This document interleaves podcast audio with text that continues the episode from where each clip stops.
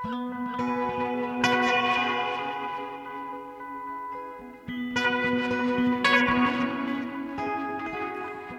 sæl og blessuð, við sjá helsar ágætu hlustendur miðugudaginn 20. og 1. oktober. Undir gráum himni langt liðið á oktobermánuð helstu personur og leikendur í Víðsjá í dag. Halla Þorlaug Óskarsdóttir, Ludvig van Beethoven, Girðir Eliasson og Áskerður Búadóttir. Í Víðsjá í dag þá ætlum við meðal annars að ræða við Höllu Þorlaug Óskarsdóttur sem að hefur sendt frá sér bleikabók sem að heitir Þagnarbindindi Bók sem að eh, er í senn ljóðabálkur og saga, líkur þarna einhver staðar á mörkunum og eh, já, fjallar meðal annars um sambandslit og söknu. Þetta er bókum eh, sársauka, upphaf lífsins og endalók lífsins. Við hittum höllu við grásleppu skúrana við ægi síðu síðdeis í gær og það var dálítið farið að kula, skiljanlega veturnætur á morgun og fyrsti vetrardagur á laugardag og um, eins og allir vita þá er lífið að vetrinum fánýtt en það er önnur saga. Meirum þetta hér rétt á eftir.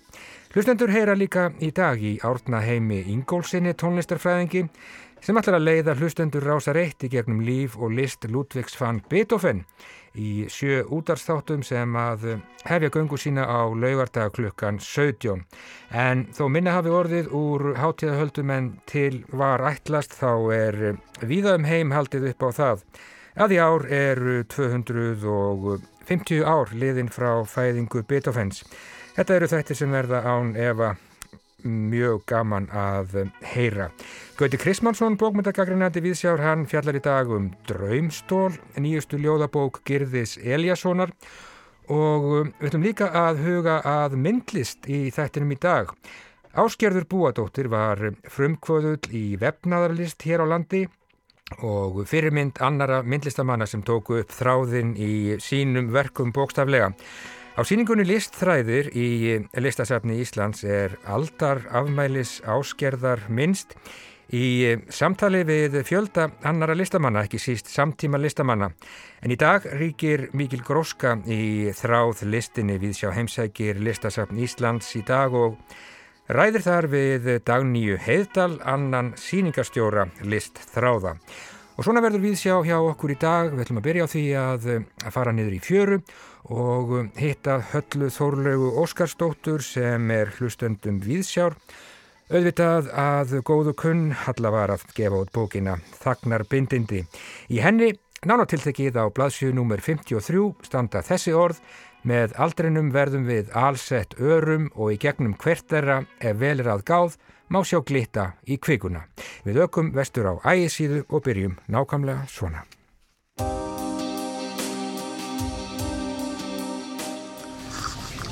Að nýri 1800 miljónir. Viking Lotto, vinningin heim í hérað.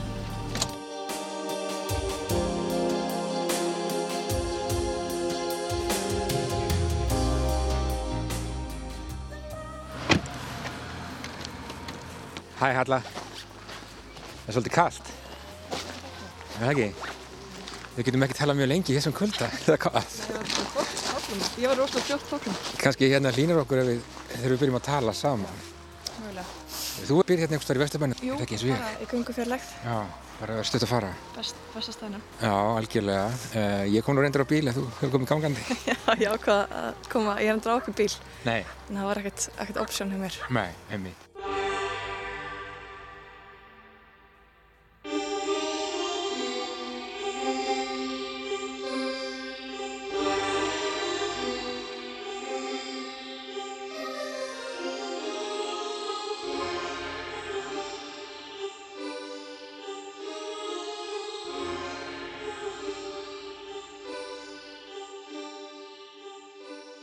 En hérna við látum okkur hafa það þó að sé farið að svona aðeins kula hérna við ægisíðuna.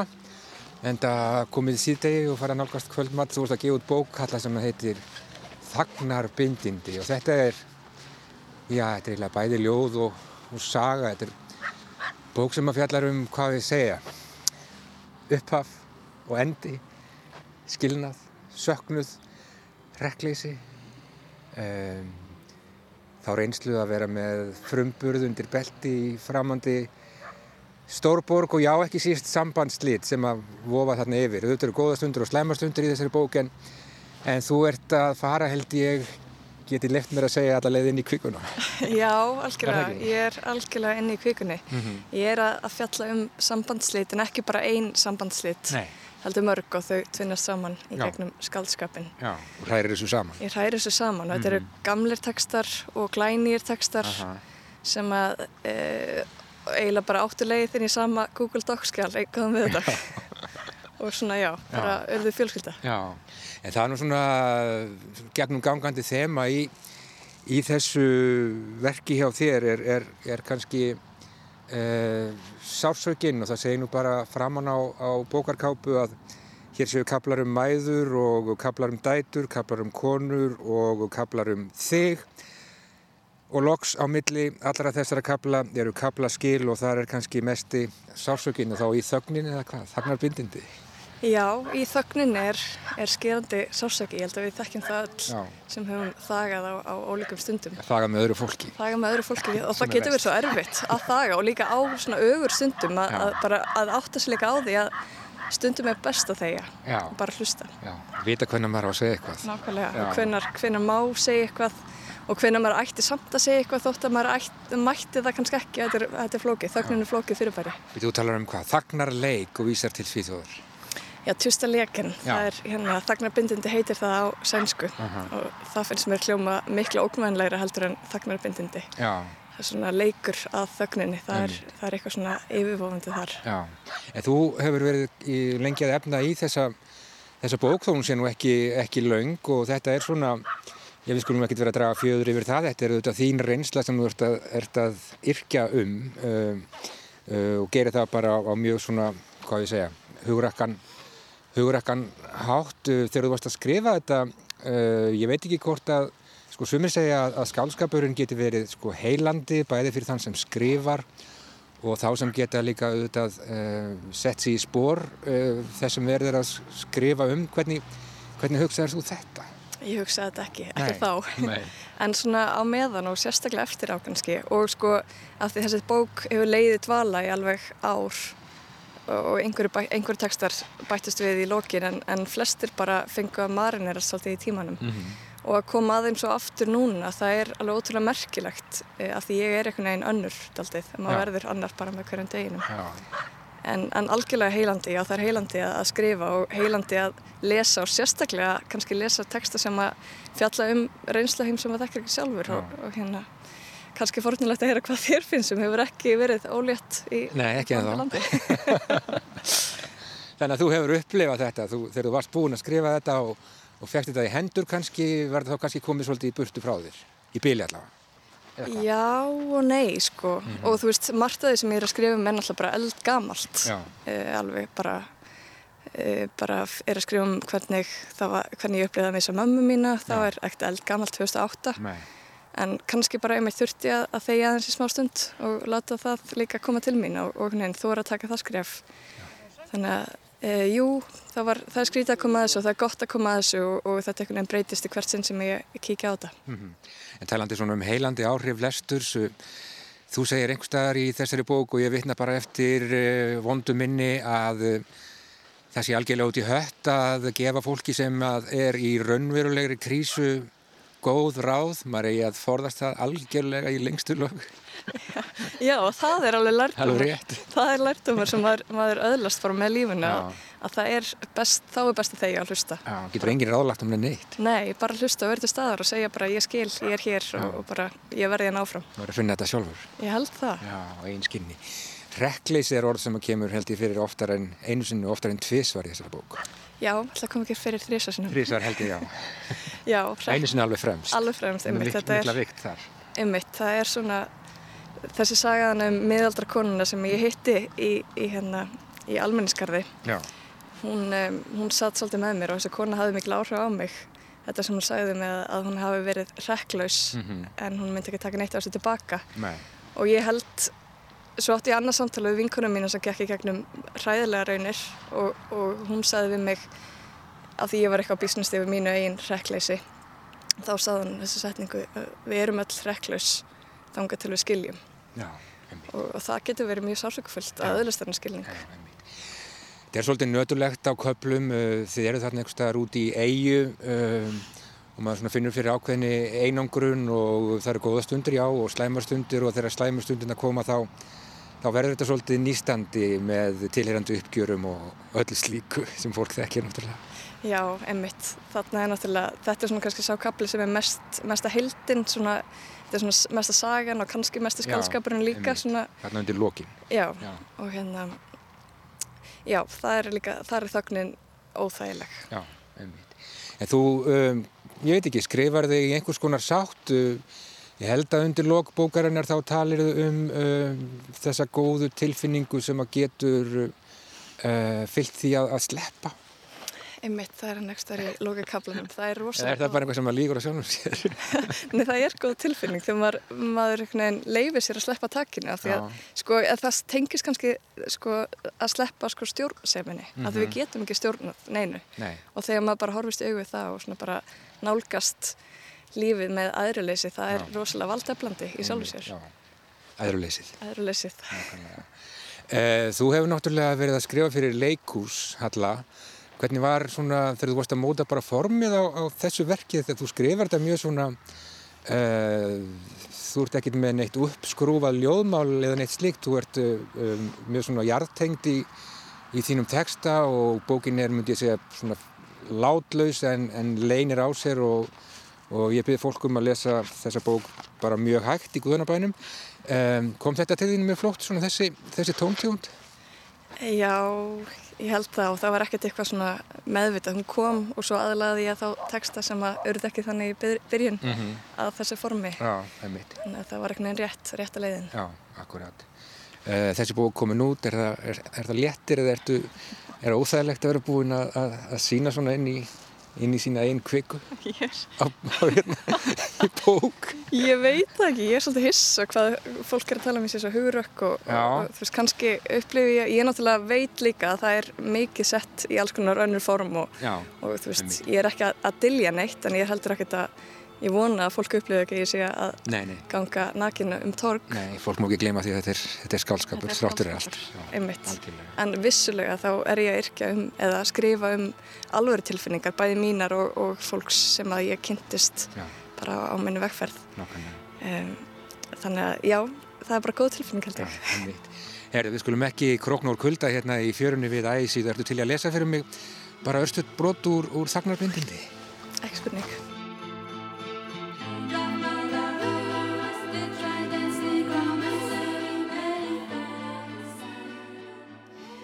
Ég rætti eitt sinn við forvörð um varðveislu greipa úr plasti. Hún sagði að plast væri misgott.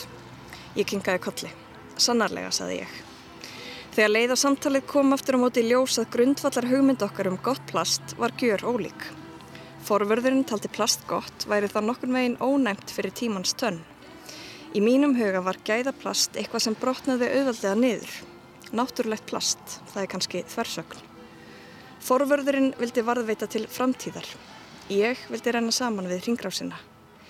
Því fljótari sem efni er að eigðast því náttúrulegra, hugsaði ég. Því hraðar sem við hverfum þeimun betra. Að vernda það sem lifir er ómögulegt. Við erum öll tifandi tímasprengur. Einn daginn springum við, segi ég við forvörðin. Og þá er best að sé auðvilt að gleima okkur. Líklega hafði forvörðun rétt fyrir sér varðandi gæði plasts. Það getur ekki verið gott fyrir náttúrun að plast renni saman við hringrásina. Plast hverfur aldrei. Plast gleimist aldrei. Lungu setna átt ég eftir að ringja aftur í forverðin. Þá var ég alveg að hverfa og hafði skipt um skoðun. Ég vildi að hún bjargaði mér. Mér langaði ekki lengur að brotna niður og renna saman við hringrásina. Takk fyrir það, Halla Þorlaug Óskarstóttir og til hamingi með þessa nýju bleiku bók sem að heitir þagnarbindindi og kemur út á bókaforlæginu Benedikt á ekki að kera það heim? Ég gengur það. Þú gengur? Ok, takk fyrir bellið og bara gangið vel. Takk. Gáðan að segja þér ykkur.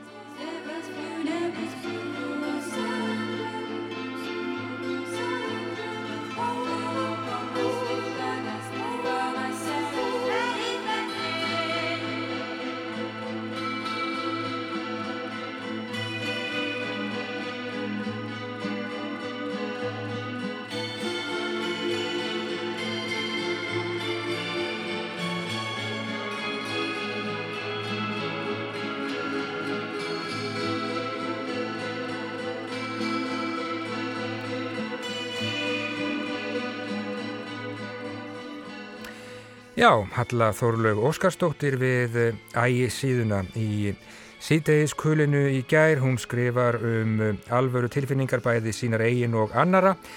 Sagun mér í fjörunni og því fylgir bara góð tilfinning. Við erum öll tefandi tímasprengjur, skrifar Halla. Halla þurfti að þeia í smástund þagnar bindindi. Læð sem við heyrðum hér undir lokin er með skosku hljómsveitinni Kokto Twins og hefur þann fallega titil hvernig fer maður á því að láta snjóin roðna. En ágættu hlustendur maður er nefndur á lögardag klukkan 17 þá hefst á dagskrára ásar eitt nýþáttaröð um tónskáldið Ludvig van Beethoven, líf hans og list en í ár er 250 ár liðin frá fæðingu hans í borginni Bonn í Þískalandi. Fætur árið 1770 dáin 56 ára gammal árið 1827. Þættirnir sem að heita Beethoven, byltingarmaður tónlistarinnar verða sjö talsins en þeir eru í umsjón Árna Heimis Ingólfssonar tónlistarfræðings. Gunni Tómasson sló á þráðin til Árna.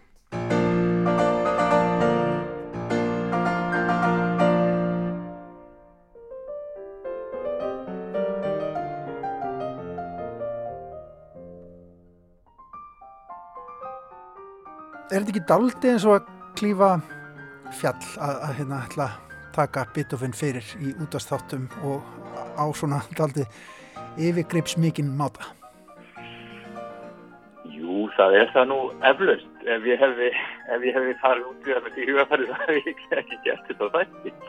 Uh, jú, jú, auðvitað er það það. Ég minna, hann er náttúrulega bara svo, svo mikið fyrir ísi í, í öllu, öllum tónlistarheiminum og þessum er hann tónskáld sem að margir vita mikið um og einn allir vita eitthvað um þannig að þá reynir maður bæði að, að segja svona þess að hefðinu sögu en líka reyna að, að sko finna einhverja fleti og vikla sem eru nýstálegir eða, eða áhugaverðir og sem fólk kannski hefur ekki endilega hugsa út í áður og reyna líka að, að spila ekki bara verkinn sem allir þekkja, ekki bara 50 symfóníuna og 9. symfóníuna og og fyrir lísi og eitthvað þannig heldur, heldur líka að reyna að blanda saman í frásögnuna verkum sem að fólk kannski hefur bara aldrei heist áður.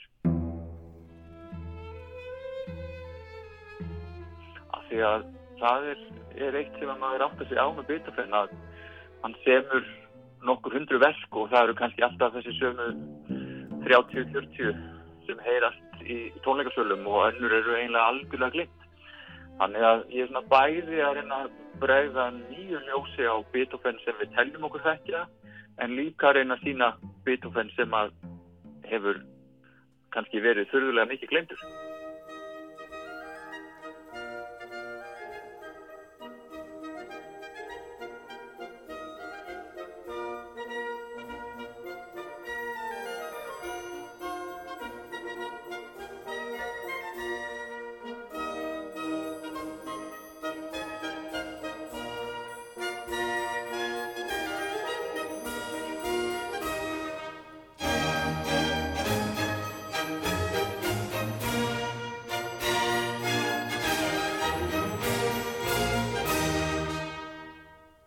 Hvernig er það? Þið finnst ekki allt gott, er það? Nei, nei. Það þarf alltaf að vera gott. Sumt er, er særlega lélegt en líka afskaplega áhugavert.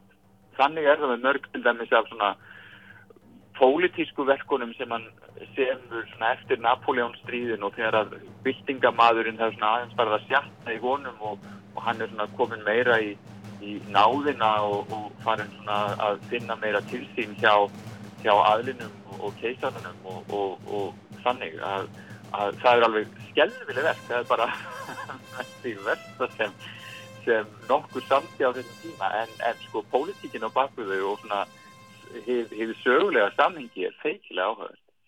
Eh, þannig að mér finnst þetta í lægi svona í bland uh, af því að það, þau eru samt ekki það mörg eða það ábyrgandi að þau skikki á afreg mannsins í heilt þá fær Beethoven líka einhverjum svona mannlega að vita, maður hugsaður, jú, hann, hann gæti líka saman í vonda músík. uh, svo mér finnst, mér finnst gaman að láta þetta allt halvast í hendur og síðan reynir ég að segja svona uh, bregða ljósi á að því að ég minna tónlistasagan eins og við vitum, hún er óskaplega karlægi gegnum aldirnar og það er hægt við því að svona þáttur verði einhver endalus umfjöllunum um döða hvita kallmenn sko að, að ég reyni að eitt þáttur sem er eiginlega alveg helgaður konum í lífi Beethoven's og bæði sko þeim sem hann var ástfangin af en líka þeim sem stuttan hreinlega og, og gerði hann um kleift að, að vinna að sinni list.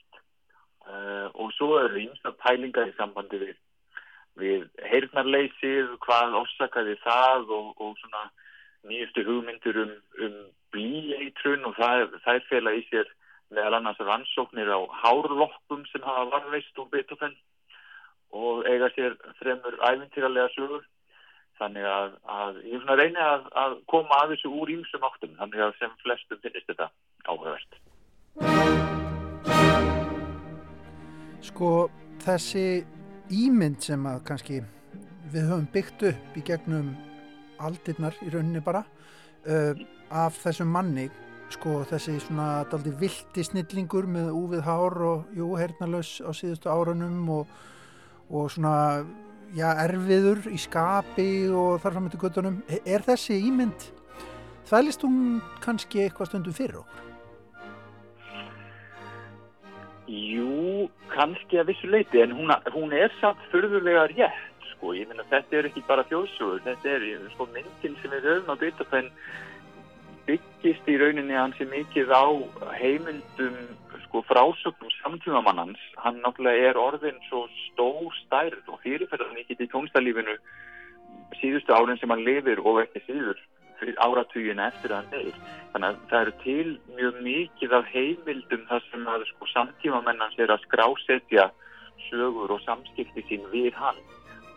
Þannig að í grunninn er þessi, þessi mynd alveg rétt en auðvitað er Beethoven, hann er svo fyrirfyrra mikill og, og þessi ímyndans uh, hún, hún, jú, hún fælist kannski, kannski svolítið fyrir okkur.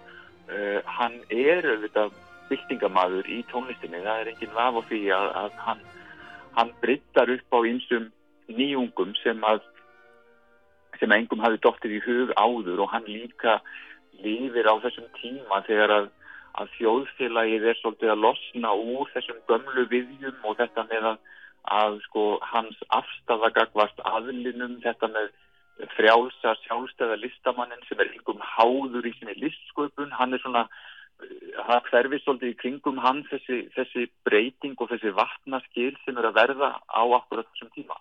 En svo er þetta líka mjög mikilvægt að velta því fyrir sér afhverju, ég menna, jafnvel þótt við gefum okkur það að Beethoven sé algjört afburða tónskáld sem hann auðvitað var.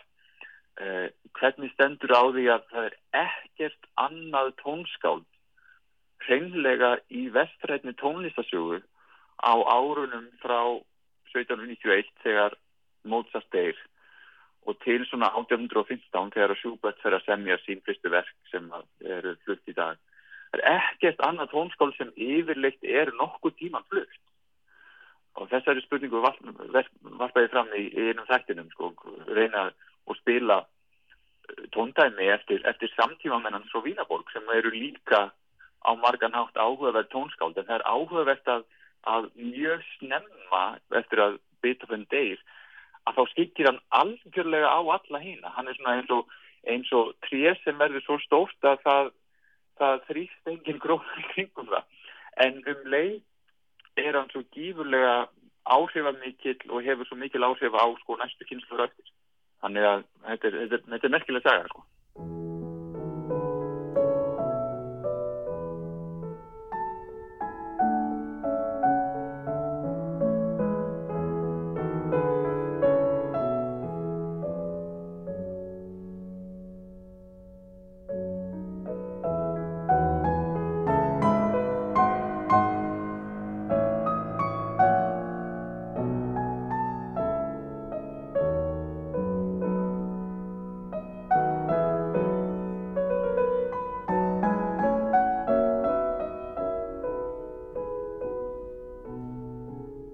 Hvað segir hann okkur í dag þessi kall? Eh, það er auðvitað hlýtur að vera eitthvað mjög margt og, og margbreytilegt af því að Beethoven er ennþann dag í dag það klassíska tónskál sem er oftast flutt á tónleikum og, og selur mest í hljóðritunum og svo framvegis. Hann gnæfir yfir, yfir alla aðra.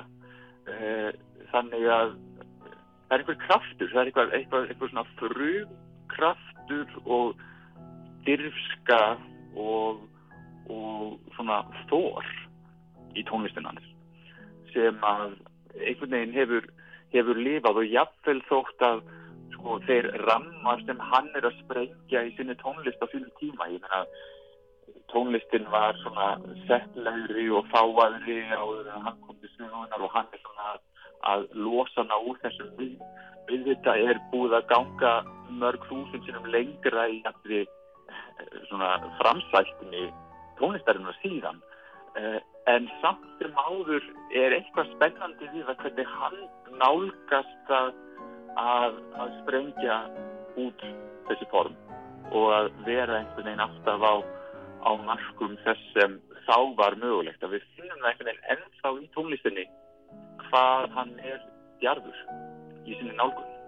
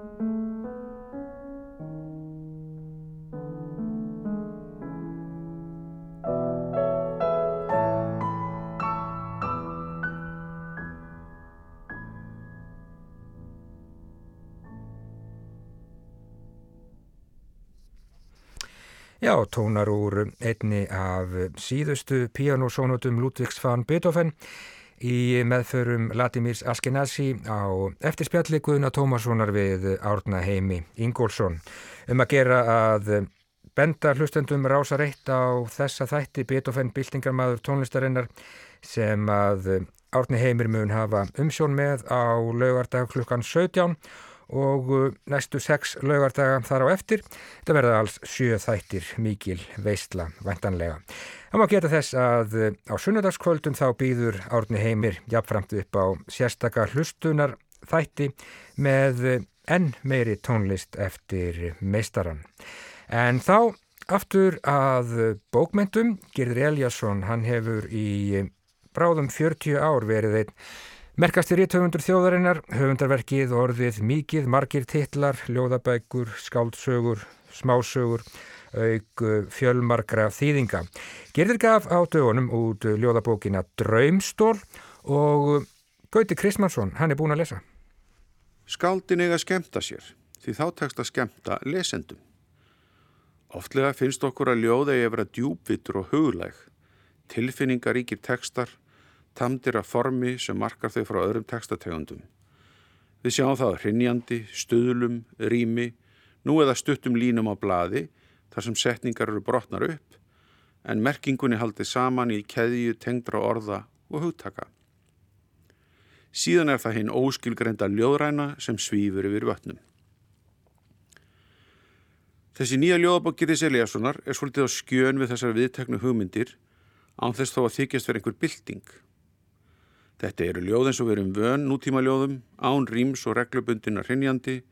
Þau hanga saman á merkingarkeðjum sínum, bæði innan hvers ljóðs og einni innan bókarinnar í gegnum merkingar þemu, eins og drauma, lauf, umbreytingar, nú eða hengirum, að í í Cummings óglemdum.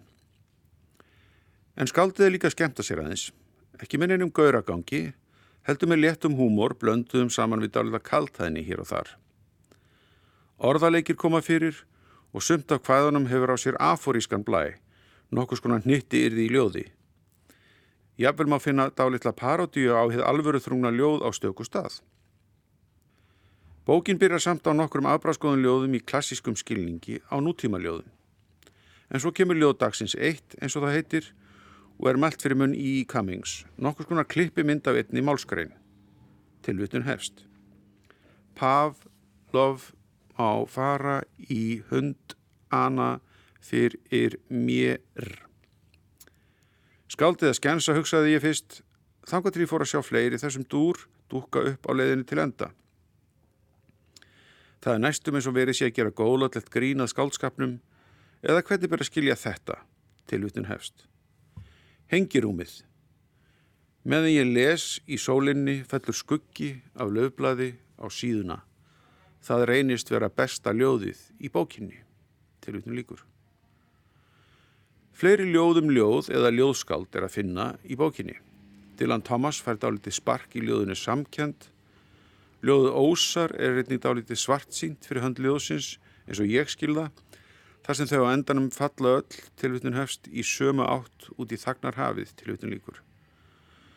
Ljóð haustljóð er að vísu ekki beinlinni sem ljóðagerð en það hljóða svo með dálitiði hýperbólu til utan hefst. Þegar heiðarnar sölna og árleg helfur söðkindarinnar er hafinn eftir rekvotum voldarstígum til utan líkur. Vissulega eru lömpin reygin til slátrunar á hausti hverju en helfarar? Auðvitað er þetta retorisk líking. Það er eins og ljóðformið sjálft fari í þessa síðustu helgungu lampana Lokaljóðið um ljóð heitir svo ljóðið sem kvarf og er ljóð um ljóð sem ekki er í bókinni, nýja verður nokkur sinni. Þess er alltaf því skaldskapafræðilegu pælingar eða ljóð um ljóð eru mjög áhugaverð, þótt einhverja svart sín í gæti eða að minnstakosti kaltæni. Skemtunarljóðin eru nokkur eins og til að mynda áföll í sögu þjóðar sem ætti að gleyðja knaspinu áhuga menn. Það er stutt og hljóða svo til hlutin hefst. Svartidauði 1402, Ídrettsparken 1402 til hlutin líkur. Virkar jáfnvel betur á prenti. Ljóð eins og hafnir á Reykjanesi, Frávik, Framtíð B og ljóðið úr dagbók Stevensons um hans frægustu söguhetju, Dr. Jekyll, falla líka þarna undir. Ög þessum síðasta ljóði þjónar öðru líkil þema sem ég kem að á eftir. En það er gaman að geta brosað út í annaða millir ljóða, ekkert að því. Stýllin er svo dálítið í samræmi við þennan léttleika sem dansar við prósan bókina í gegn og losar hana við okk ljóðræninar sem getur gert sum ágæðlega orrt hvæði tilgerðaleg í besta falli. Skaldið sendir út nokkur alþjóðleg skeiti. Við fáum aðeins að heyra um 16. aldalistamannin Albrecht Dürer sem ekki hafði síða aðpæ langan tíma annað dæmum kaltænislegan húmor ljóðmælanda. Dýrir var líka skapari fræra málmbristu sem kölluður melinkólija 1 þótt hún sé ekki neinn fyrirmynd ljóðan að þryggja sem ber að nánast sama heiti í bókinni og raunar eins ljóðs í nokkrum almennum orðum um kulnun sólar. Við fáum einnig að heyra af tónskaldinu Antoni Bruckner sem kastaður út í garðsöga og þýskaskaldið Höldalinn er í törninum sínum í draumi en helsta vísunin er til óvíðs og er hún bein í ljóðinni ummyndanir og það er þema sem við þam að finna í bókinni og er kannski líkillin aðinni. Fyrsta ljóði umbreyting slæðir tónin að vissu marki og það er hugsanlega annað mikilvægt þema, vötnin eða fljótin sem streyma út í þagnarhaf. Ám og vötnum breði fyrir ímsum betri ljóðabókarinnar. Umbreytingar og óstöðuleiki merkingar endur speklast einni í ljóðum um drauma og í titilljóðinu Draumstól skinnjum við fyrringu ljóðmalanda sem ekki fær notið drauma sinna sem hann þó veit að hann dreymir. Eftirvill eru það örlög okkar margra sem innbyrjum draumana í gegnum netið og endalusar serjur um sama efnið. Við höfum hreinlega útvist að draumum okkar endanlega.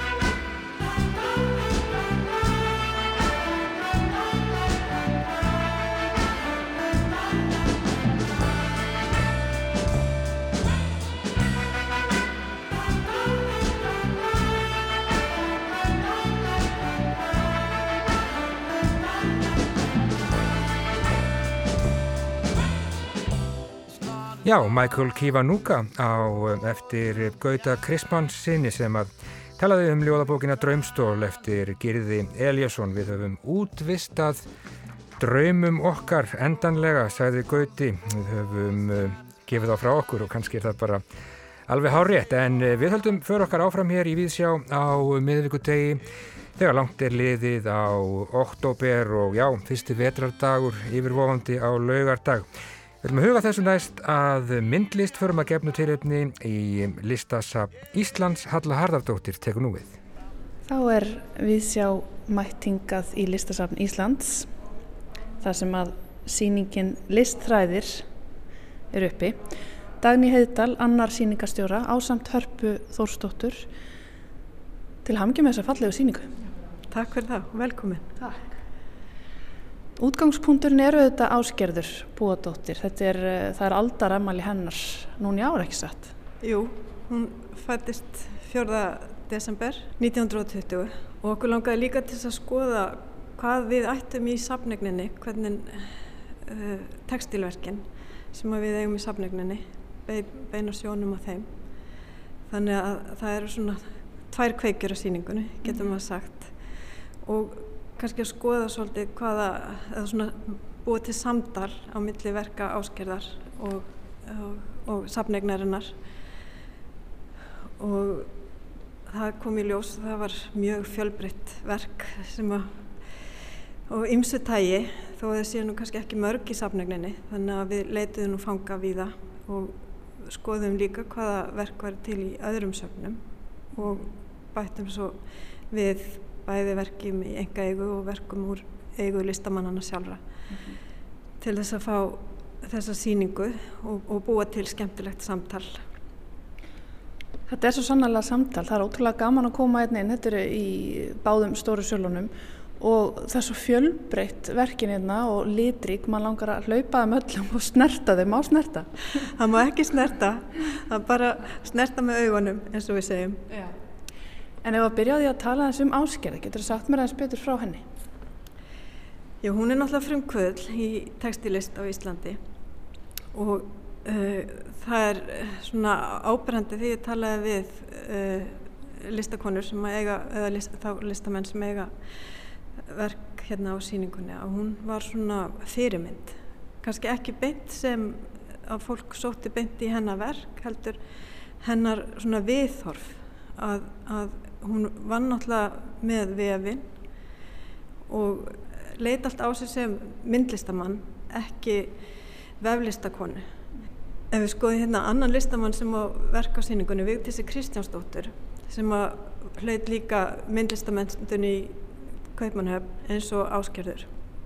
Þá var hún betur þekkt sem vefari, þó hún væri með mjög mikla myndlistamennstun á bakinu og það var á þessum tíma þessi skipting og kannski vefnaðurinn fekk ekki sama vægi eins og myndlistinn eða í myndlistasögunni eins og til dæmis smálverkið. Mm -hmm. Þannig að áskerður, hún var alltaf partur af myndlistasennunni og var í samtöku myndlistamanna og síndi á, á síningum myndlistamanna.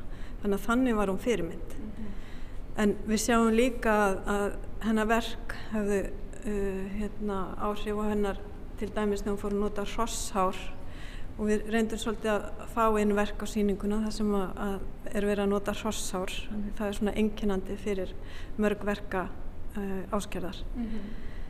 Akkurat, ef við tölum aðeins um hennan miðil uh, eins og þú segir, það var í raunin ekki lítið á þetta sem myndlist, þetta var algjörlega aðskilið, það var lítið á vefnaðalist bara sem í rauninni handverk framanaf og líka þegar hún er að byrja. Já, það má segja það það kannski breytist svona með, já, í kringum 1970 og, og uppgangur uh, veflistarinnar helst í hendur við uppgang kvennarhefingarnar og kvennabaráttunar.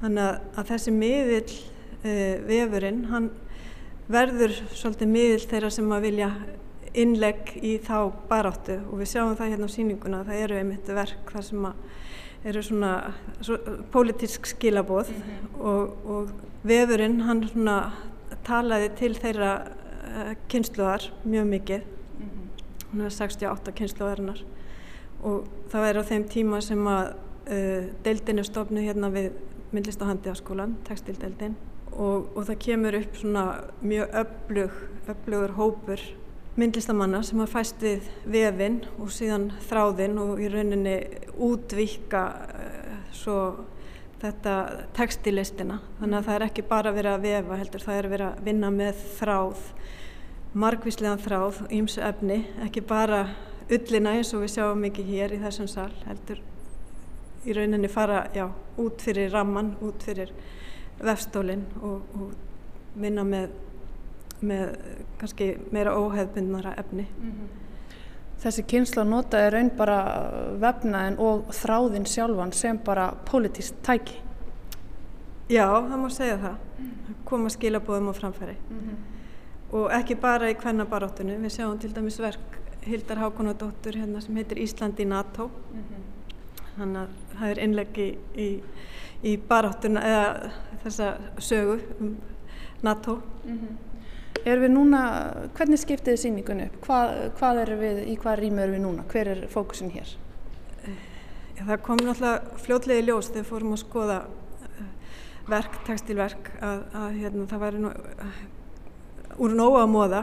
Við fórum víða og leituðum fanga og, og eins og ég segi bæði í sapnegn listasapsins og í sapnegn annara sapna og, og byggðum upp svona nokkuð öflugan gagnagrunn þar sem eru já, hátt í 300 verk sem við höfum úr á móða og völdum svo þessi 60 verk sem eru hérna á síningunni og svo þegar fórum að svona hjósa hvernig ættum að skipta því upp og þá kom fljóðlega í ljós að náttúran var mjög áberandi en líka maðurinn sjálfur og, og heimilið og það er einmitt mikið af þessum verkum frá, svona, frá 8. áratögnum þar sem að já, aðstæðu hvenna, umhverju hvenna og heimilið kemur inn. Þannig að það er svolítið það sem er fókusin hér í þessum sal. Mm -hmm. og þegar við fórum að skoða það betur og þá er það náttúrulega enn í fulli gildi.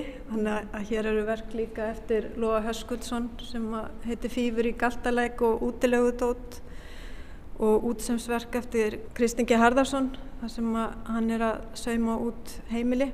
Mm -hmm. eða svona teikningar af, af íbúðum heimilið, húsið og, og umhverfi mannsins mm -hmm. og líka í rauninni tilfinningar mm -hmm. þessu verk Ása Ólastóttur sem er hérna það sem hún er, segir sjálf að hún sé að fást líka við svona sinn innri mann í, í verkonum Það er svo þetta er svo allt öðru upplöfun að vera umvafinn svona miklum vefnaði, mann langar eins og ég sagði á hann að snert þetta, það er líka bara svo mikil, svona mikil nærvera í verkunum.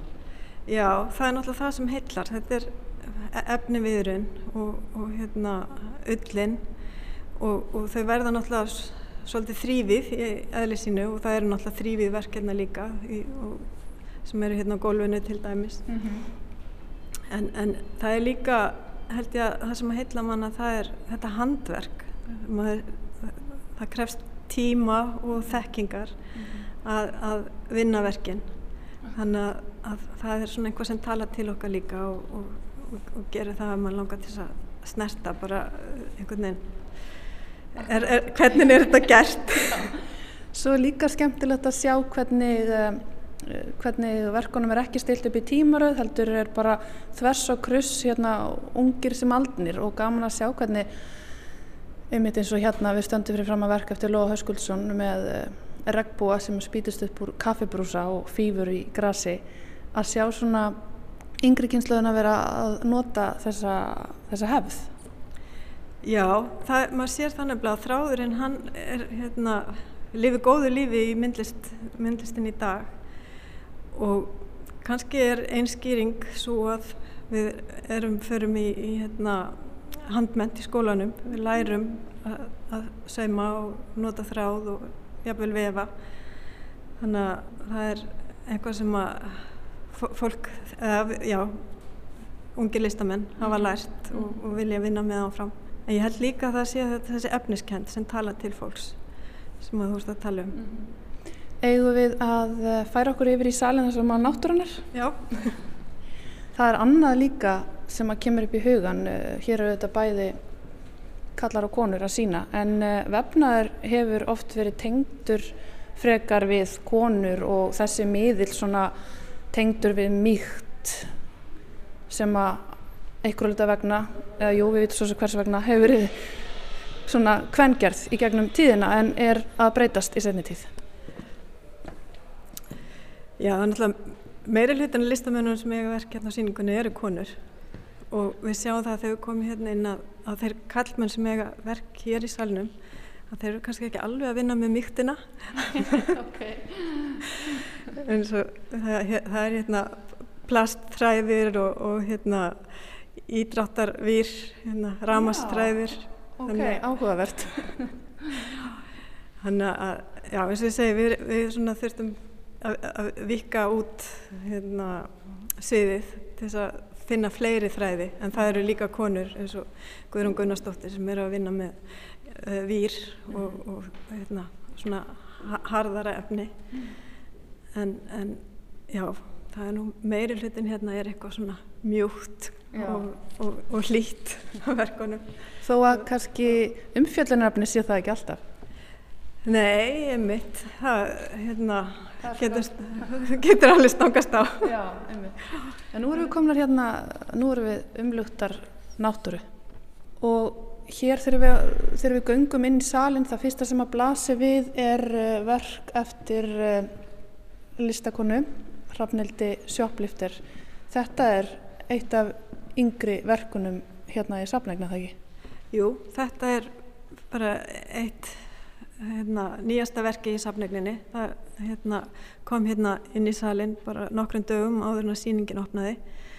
En, en þetta er verk frá 2005 sem að, að hérna, er búið til bæði úr, úr uh, mannshári og gerfihári. Þetta eru fléttur í, í svona ymsum brúnum og, og svartum tónum sem að já, ná hérna yfir stóran hluta vegnum og, og hérna, heitir Right Brain eða hægra heila kveld og, og við erum ótrúlega ánað mm -hmm. með að það sé komið í eigu þjóðarinnar mm -hmm.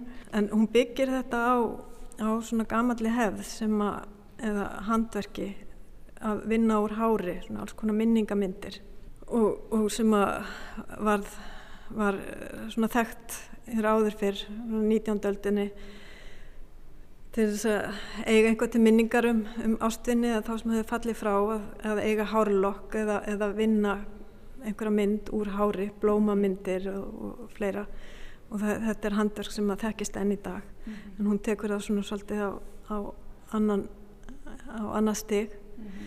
og það er mitt áhugavert að sjá þetta verk og hvernig hún vinnur með hárið og þessa, þessa gamlu hefð og svo verk Guðrún og Marinósdóttur en það er einmitt þessu sömu gamlu hárverk sem auðvitað henni innblástur í sitt verk sem hún vinnur svo á allt annan hátt. Hún vinnur með hrossár, spunnir hrossár sem hún býr til svona lengjur úr sem hún setur á veggin og þetta minnir miklu meira á gróður eða einhvern agur sem búið að sá í og það er eins og gróðurinn sé að vaksa upp eða jafnvel letur, þetta sé svona eitthvað framandi letur og, og, og línur mm. það er svona áhugavert að sjá og þetta eru hérna báðarsækjaðar innblástur í þessu gamla hárverk en útkoman verður svona ólík mm. Svo er hérna verk eftir Anna Lilli Erlu Adnarsdóttur Lón Gerdagsins sem að sker sig svolítið úr hérna á gólfinu en hefur vakið verðskulda aðtigli þar sem hún er að vinna með svona flóstækni og vinnur mjög hratt mikið af þessum verkum sem eru hérna á síningunni þau krefjast þess krefjast yfirlegu og maður vinnur hægt vefstóllin er þannig miðil en, en hér er hún með, með hérna bissu sem leifir henni að tjá sig hratt og vinna hratt. Þannig að það verður svona önnur ára yfir verkinu. En er samt að fást í landslægið eins og margir aðrir listamenn hérna. Og, og gaman að hafa það við liðin á verkinu hér sem að er ótrúlega tímafreg tækni sem að Hildur Áskistóttir Jónsson hefur tilhenga sér. Þetta er Vatnajökull. Það sem hún málar á handófi silki og skapar svona ótrúlega heillandi mynd af svona þókukendum jökli og svona leiður hugan líka að náttúrunni og þeim breytingum sem er að verða í náttúrunni og bráðnun jökla. Já, það er fallegt að sjá þessi verkefna tala saman. Þetta er eins og að horfa ofan á eitthvað svona lón Lón. gerdagsins, heitir verki Já, já, já. Loftmynd, þetta er eins og loftmynd, gaman að horfa svona nýður á þetta. Já, það er einmitt það sem við viljum, vekja svona ólíka, ólík sjónarhótt og mismunandi hérna, útgangspunkta. Daðinni Heiðdal, listfræðingur og annar síningastjóra síningarinnar listfræðir hér í Listasafni Íslands.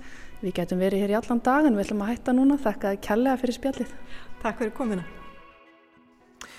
Já, síningin Listþræðir sem að nú stendur yfir í Listasafni Íslands þar sem aldar afmælis áskerðar búadóttur er minnst með samtali við aðra íslenska textíllistamenn. Sýningin stendur til 20.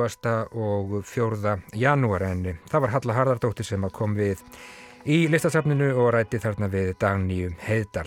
Og svona líkur þessu hjá okkur í dag við sjá hér aftur löst eftir klukkan fjögur á morgun. Teknimaður í þessari útsendingu var Hrafkjell Sigursson. Takk fyrir samfélgina í dag. Verðið sæl.